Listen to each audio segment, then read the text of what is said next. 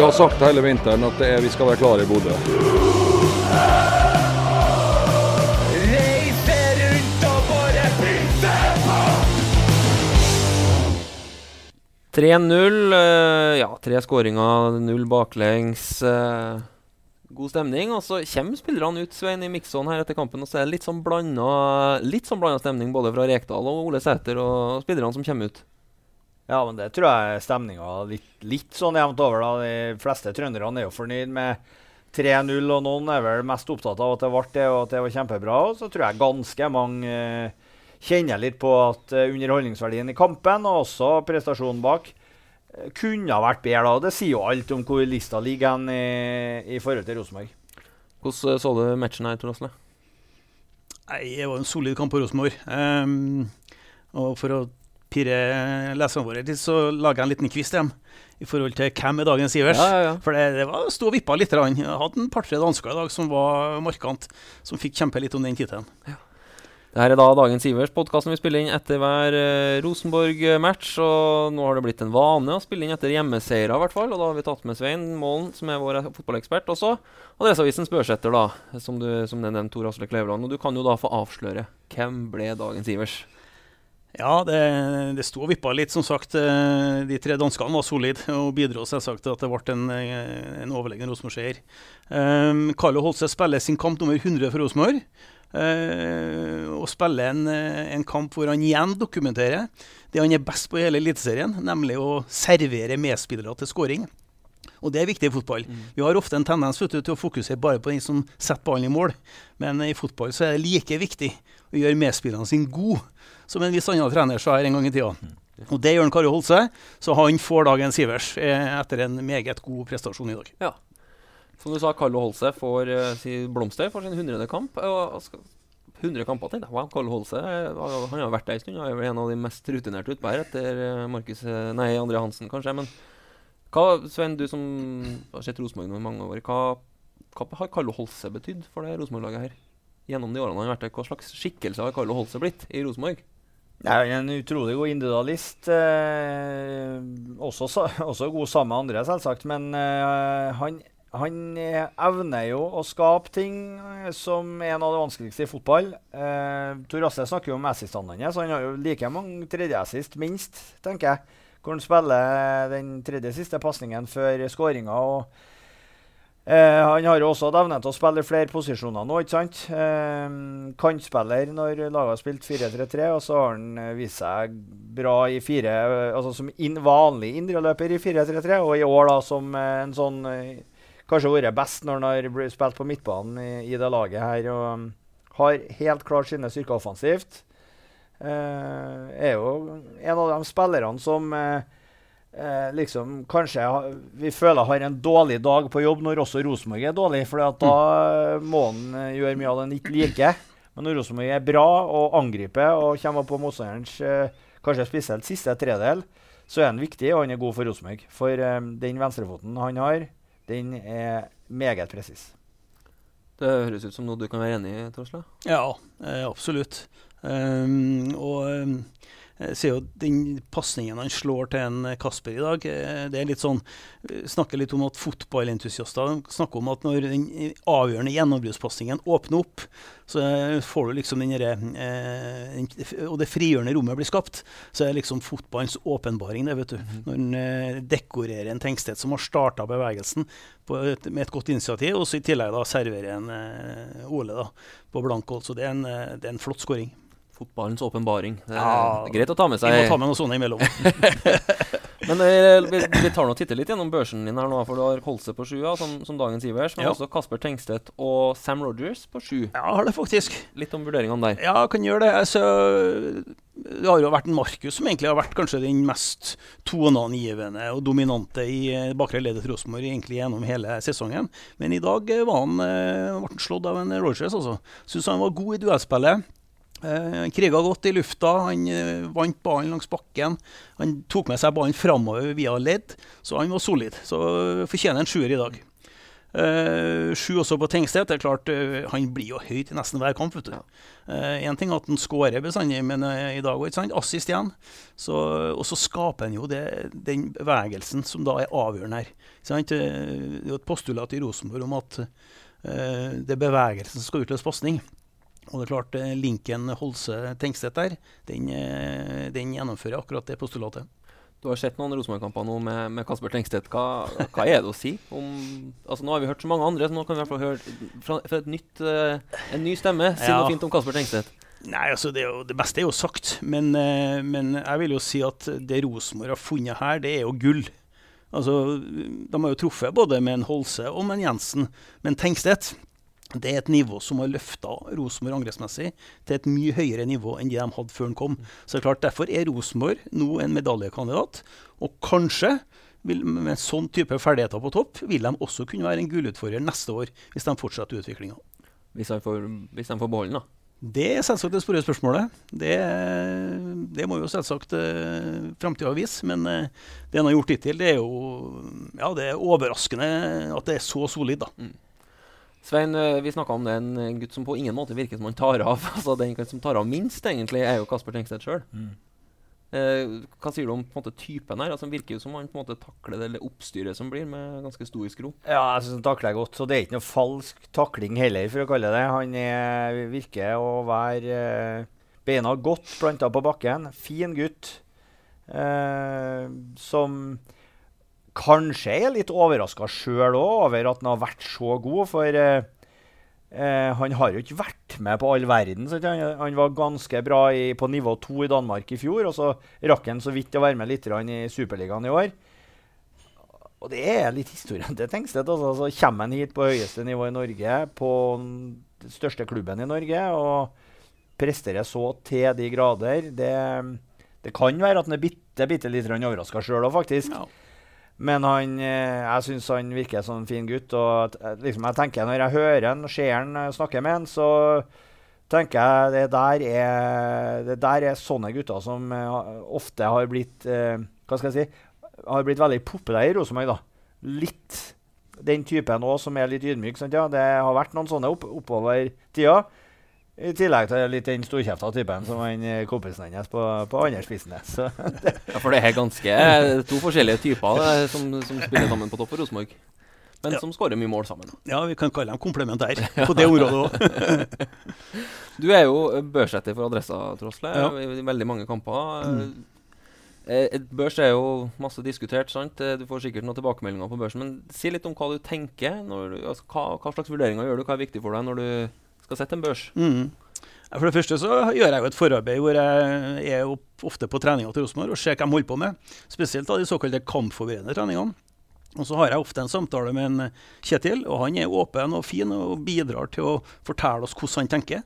Eh, så ros for det i forhold til åpenhetspostulatet i Rosenborg. Eh, så det dannes et grunnlag der, og så ser jeg jo kampen litt ut ifra hva er kampplanen til Rosenborg. Eh, for det er jo én ting hva de leverer, men er det i henhold til det som de har øvd på? Og jeg synes jo at sånn, Det målet, første målet vi ser i dag, Svein, det er det faktisk litt ting vi ser igjen på trening. Altså Vi ser en offensiv struktur. Det har jo vært kritisert litt, eh, Rekdal. Men jeg syns at det vi begynner å se nå, det er faktisk sammenheng mellom det som øves på feltet, og det som da faktisk utføres på kamp. Og det første målet i dag syns jeg er et godt eksempel på akkurat det. For Det snakka vi litt om på, på sending òg, Svein. men vi, vi, kom på en uh, situasjon med Ole Sæter der det ble diskusjon mellom han og Geir Frigård om der det hele tida var som at du skal gå bak, du skal starte, du skal starte, du skal starte. Og så ble det liksom Ja, men vi skal bearbeide, og så, så videre. Det ble en situasjon av det. Og så ser vi første mål en helt lik situasjon, Svein. Ja da. Og jeg har etterlyst den egentlig i hele år, fordi at uh, jeg vet jo ganske godt hvordan uh, HamKam spilte i fjor, som hadde et solid angrepsspill. Uh, som som hadde et spill som Rekdal og Frigård hadde lyst til å ta med seg mye av prinsippene ifra og hit. Og jeg må si at i vinter, når jeg så det Rosenborg-laget og hørt, så dem på trening, så var det liksom det var, det var, veldig mye coaching på å få til det spillet og de løpene. og mange løp samtidig som går både truer målet, men også truer bakrommet sentralt i banen. Men det var lite sammenheng. Ballen kom sjelden, løpene var sjelden helhjerta, og det, ofte så ko- kom ikke løpene som de skulle heller. Så det har jo vært etterlyst og coacha på gjennom eh, hele sesongen her, og jeg vet jo at de har de har prøvd å terpe på det og coache på det, og det er jo det som skjedde den, i den situasjonen som du viser til også. Eh, og da Nå er ikke det eneste skåringa i år som har kommet etter tilsvarende angrep, men det var veldig tydelig i dag at uh, den kom da på samme sida, og det var litt de samme Ikke helt samme spillerne som var involvert, men de samme rommene som var der. og da blir det ekstra artig. Og Kjetil eh, sa jo etter kampen og bekrefta det ganske tydelig at det der var han veldig fornøyd med. Og peker eh, på at det der er bevegelser som òg skaper andre rom igjen.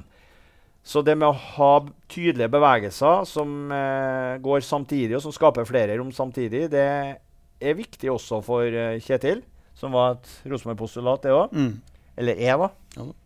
Og, eh, øh, og som eh, faktisk ligger litt bak den andre skåringa, som eh, gir det andre rommet, altså mellomrommet, da, eh, muligheten til å spille inn der.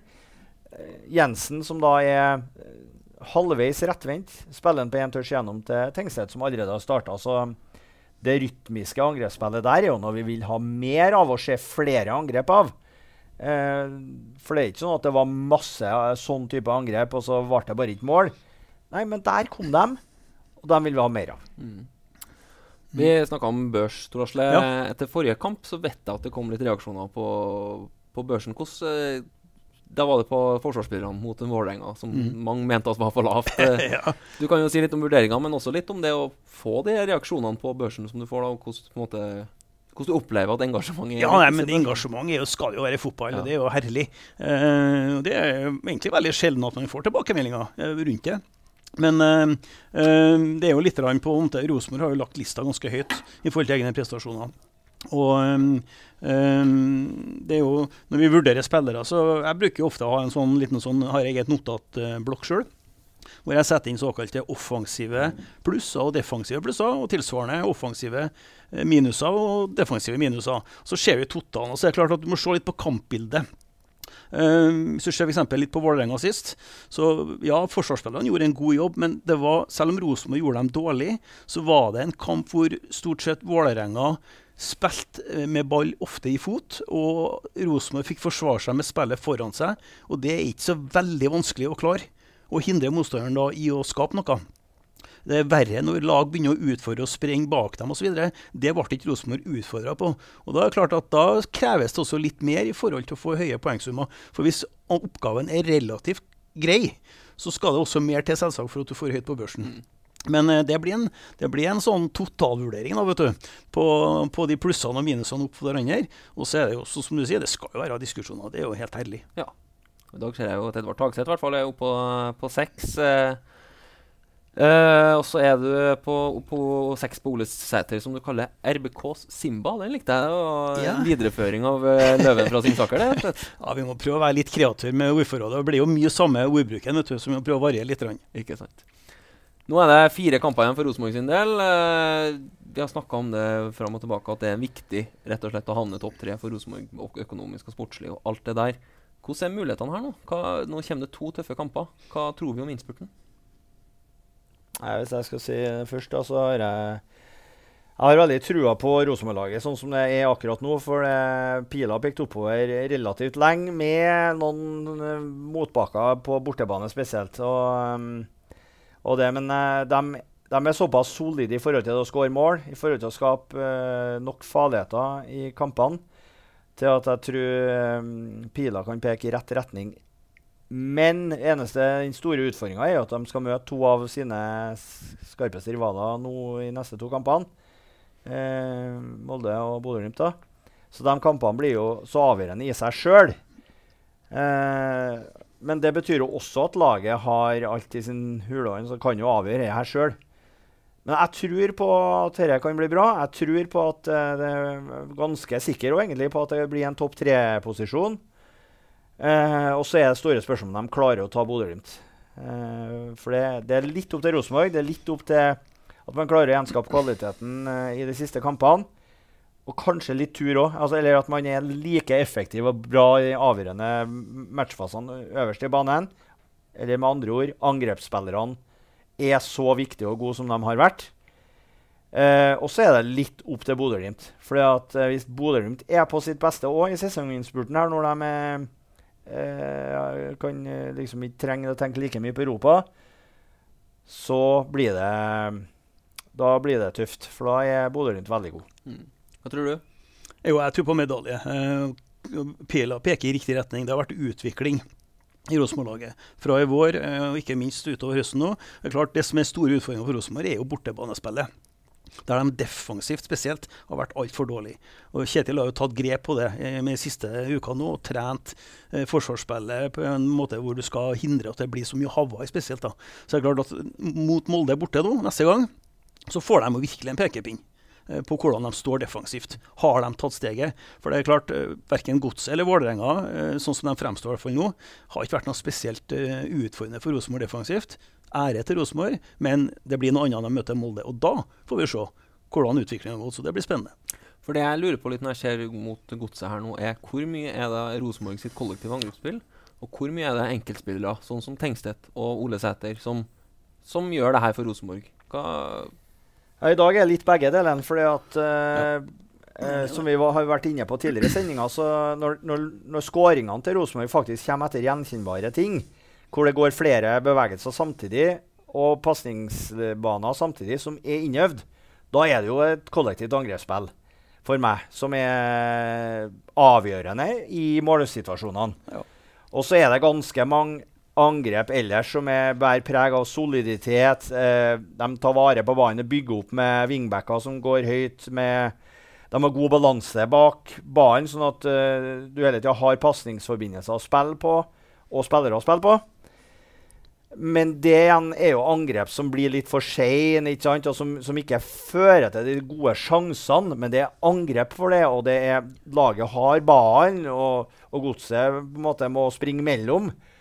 Så Sånn sett så er det en del kollektivt i dag. Men det jeg savner i det kollektive angrepsspillet, er jo som jeg var inne på i stad Vi må ha flere av disse angrepene hvor du ser samtidige bevegelser, og hvor du ser ball-pasningsforbindelser som er gjenkjennbare, som de er på målet. De er gjenkjennbare ut fra hvordan de trener. Det må være litt flere av dem, og det må være flere angrep som går hurtig fremover. Som punkt én skaper muligheter for at det er motstanderen i ubalanse. Vi må ikke glemme at uh, Strømsgodset ligger under med to mål i hva blir det, 60 minutter i dag. Da er det ganske mange mm. overgangssituasjoner som burde vært hurtige kontringer her. Dem er det for få av. Og det andre er overgangssituasjoner som, som spiller Strømsgodset lavt. Altså De må skynde seg ned og på plass igjen. Og så kan Rosenborg ligge høyt i banen og dominere kampen på den måten. De strukturerte angrepene savner jeg i dag. Eh, sånn at det er fortsatt en god del å gå på ko kollektivt i angrepsspillet, ja. Så ser jeg jo Kjetil når vi spør om det 1-0-målet, om han mm. kjenner seg igjen. Mm -hmm. kommer et lite smil oppi ja. munnviken her, og det er godt for en trener ikke det, å ja, å se det man øver igjen. Altså se det man øver på. Ja, så har det jo vært litt sånn Det har jo vært noen kresne uh, innspill rundt Kjetil at han på en måte ikke har en klar plan. Uh, det er klart det det, Vi ser jo selvsagt at det er mye av de individuelle ferdighetene til sånn som Tengstedt, Jensen, Holse, som blir veldig kampavgjørende, altså matchavgjørende for Rosenborg. Så det er klart at han har gode spillere i dem. Eh, men jeg ser som sagt tendenser til at det er de relasjonelle eh, ferdighetene begynner å sette seg i laget nå. De har fått øvd seg mer sammen. og Da ser vi at det kommer opp angrep som tross alt viser at ok, her begynner det å sitte noe. Og det er positivt. Men fortsatt da, så gjenstår det å se referansen. Altså Molde, Bodø-Glimt. Vi må se det der òg, for at de skal se at ok, det er tatt steg. Og så er Det klart at det er en liten fordel for Rosenborg at de nå har én kamp i uka og får trent godt mellom hver eneste kamp. Sånn som Bodø-Glimt, Molde delvis. Lillestrøm tidligere òg. De har vært ute i Europa, og vi ser at det er mentalt. Det tærer på de lagene som er der. Så der har Rekdal faktisk en fordel i oppbyggingen av laget nå. At Rosenborg faktisk ikke er i Europa. Og Det gjør at han har gode muligheter på å få laget inn i Europa. Mm. med bakgrunn i det. Er det en fordel at Molde mest sannsynlig da, tar seriegullet i morgen på søndag? Ja, øh, jeg tror uansett Molde-Rosenborg lever sitt eget liv. Også. Mm. Det er en prestisjekamp. Molde kommer ikke til å gi en fingeren for Rosenborg i den kampen på Aker uansett. Enig? Ja, 100% enig. Den lever sitt eget liv. Og, og øh, det blir en øh, bra, fin prøvelse for Rosenborg nå. Um, og det er klart at det har jeg Altså, det mener jeg er litt det neste steget òg. Det er jo å vise at um, Eller, eller klare å være best også mot de beste når de beste er best, da. Å, eller når det beste er god, for å kalle det det. da. For eh, de kampene i år når Rosenborg har, vært, eh, har liksom klart seg bra mot de beste lagene, så har de beste lagene ikke vært eh, noen god utgave av seg sjøl. Sånn som Vålerenga sist, som ikke har noe bra dag på jobb.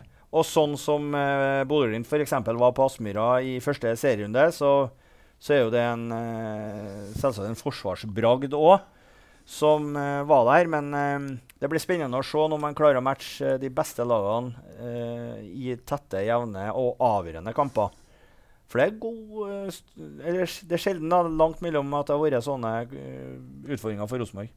Og så eh, ser det som at det er en god tendens her også, at spesielt Rosenborg nå i den formasjonen de spiller, med henblikk på det som skjedde i Bodø i første kamp, hvor faktisk da Kjetil endra fra å ha øvd 3-4-3 gjennom vinteren til å spille 3-5-2, har nå lyktes på en måte, spesielt mot 4-3-3-lag. Så ser vi at Rosenborg i den måten å spille på faktisk klarer å være dominant i de kampene, og det fungerer mot spesielt 4-3-3-lag. da, Sånn som Vålerenga, sånn som Godset, eh, sånn som bl.a. skjer i dag. Ja, men eh, bare presisere det at Godset snakka jo litt med trenerne til Godset etterpå. Mm. De, de velger å spille med en fembackslinje i Ja, i dag. og det. det, er litt fordi at de har sett det at Rosenborg er så god mot eh, 4-3-3-lag. Ja, da. ja. Så um, det blir jo spennende å se hva eh, Hvis du hopper to kamper frem, da, hva Bodø-Glimt kommer til å velge når de kommer hit, og, og vet at uh, de sjøl strevde mot Rosenborg Mm. sist. Mm. Og at Rosenborg har vært gode mot uh, 4-3-3-lag. Men eh, når det er sagt, Bodø-Glimt har ikke akkurat uh, drevet godt De holder på planen sin, de må spille sitt spill og har kjempetro på det. og det, det, blir, det blir en utrolig artig match, det òg, om eh, 14 dager. Ja, det blir jo en sekspoengskamp ut fra sannsynligvis to eller tre på tabellen. Jeg tror ikke Lillestrøm eh, blir med helt ut. Sesongen er ikke over, for å si det sånn. Det er mye, festen er ikke over, det er kake igjen, ikke det de sier? Eh, før vi avslutter, Tor Asle, gjennom din børssetterhistorie, hva er høyeste karakteren du har gitt? Jeg har gitt ti, vet du. Ja. Daniel Ølund, 2014. Rosenborg-Lillestrøm 1-0 på Lerkendal. Daniel Ølund med tror jeg var åtte-ni høykvalifiserte redninger. Og så tror jeg også vi hadde tid på en Steffen Iversen. Rosenborg slo Valencia. Ja. 2-0 borte på Mestalla. Fantastisk fotballkamp. Så øh, vi har faktisk vært opp på ti. Men det skal litt til vet du, Steffen, for å få toppkarakter fra adressa. Ja, for jeg gikk tilbake, jeg skrev en sak om, på 20-årsjubileet mot Uh, eh, Inter. Ja. Altså Karadas fikk åtte på børsen Ja. etter å ha skåra to og herja med Fabio Cannavaro Ja. og Marco. Men da var ikke jeg som satt den. altså. Nei, det vet jeg. jeg. Jeg jobba for VG, da. Enere, er noen som har fått det? Det er det, vet du. Ja. Ja. Blant annet Pål André Helland husker jo godt det. Eh, Jeg satt eh, børs med cupkamp mellom Malvik og Ranheim. Ja. Jeg tror det var før jeg faktisk kom til, fra Ranheim til Byåsen. Eh, Ranheim ble eh, overspilt i første gangen. Eh, det var Per Jørg Hansen faktisk som var trener. Brukte han Pål som venstreback. Og han ble herja med av høyrevingen til Malvik og ble tatt ut etter én omgang. Én på børsen. Og den husker en Pål faktisk fortsatt. Han. Jeg har kommentert det, for vi hadde den jo i Byåsen etterpå. Jeg har snakka mye med Pål, som er en god, kamp, eh, god eh, kollega, så han eh, flirer godt av den. Ja, det har gått bra for Pål etter det. Det har jo faktisk gjort det, så Ja. han, det Han hjalp. kom seg. Han kom seg. kom seg. Det hjalp, det var det. Ja, det hjalp. Det lille dyttet Pål Brent. Strålende. Takk Ja. for at dere var med, gutta. Vi er tilbake med mer Dagens Ivers, mer podkast, mer Rosenborg-stoff utover ukene som kommer, så følg med.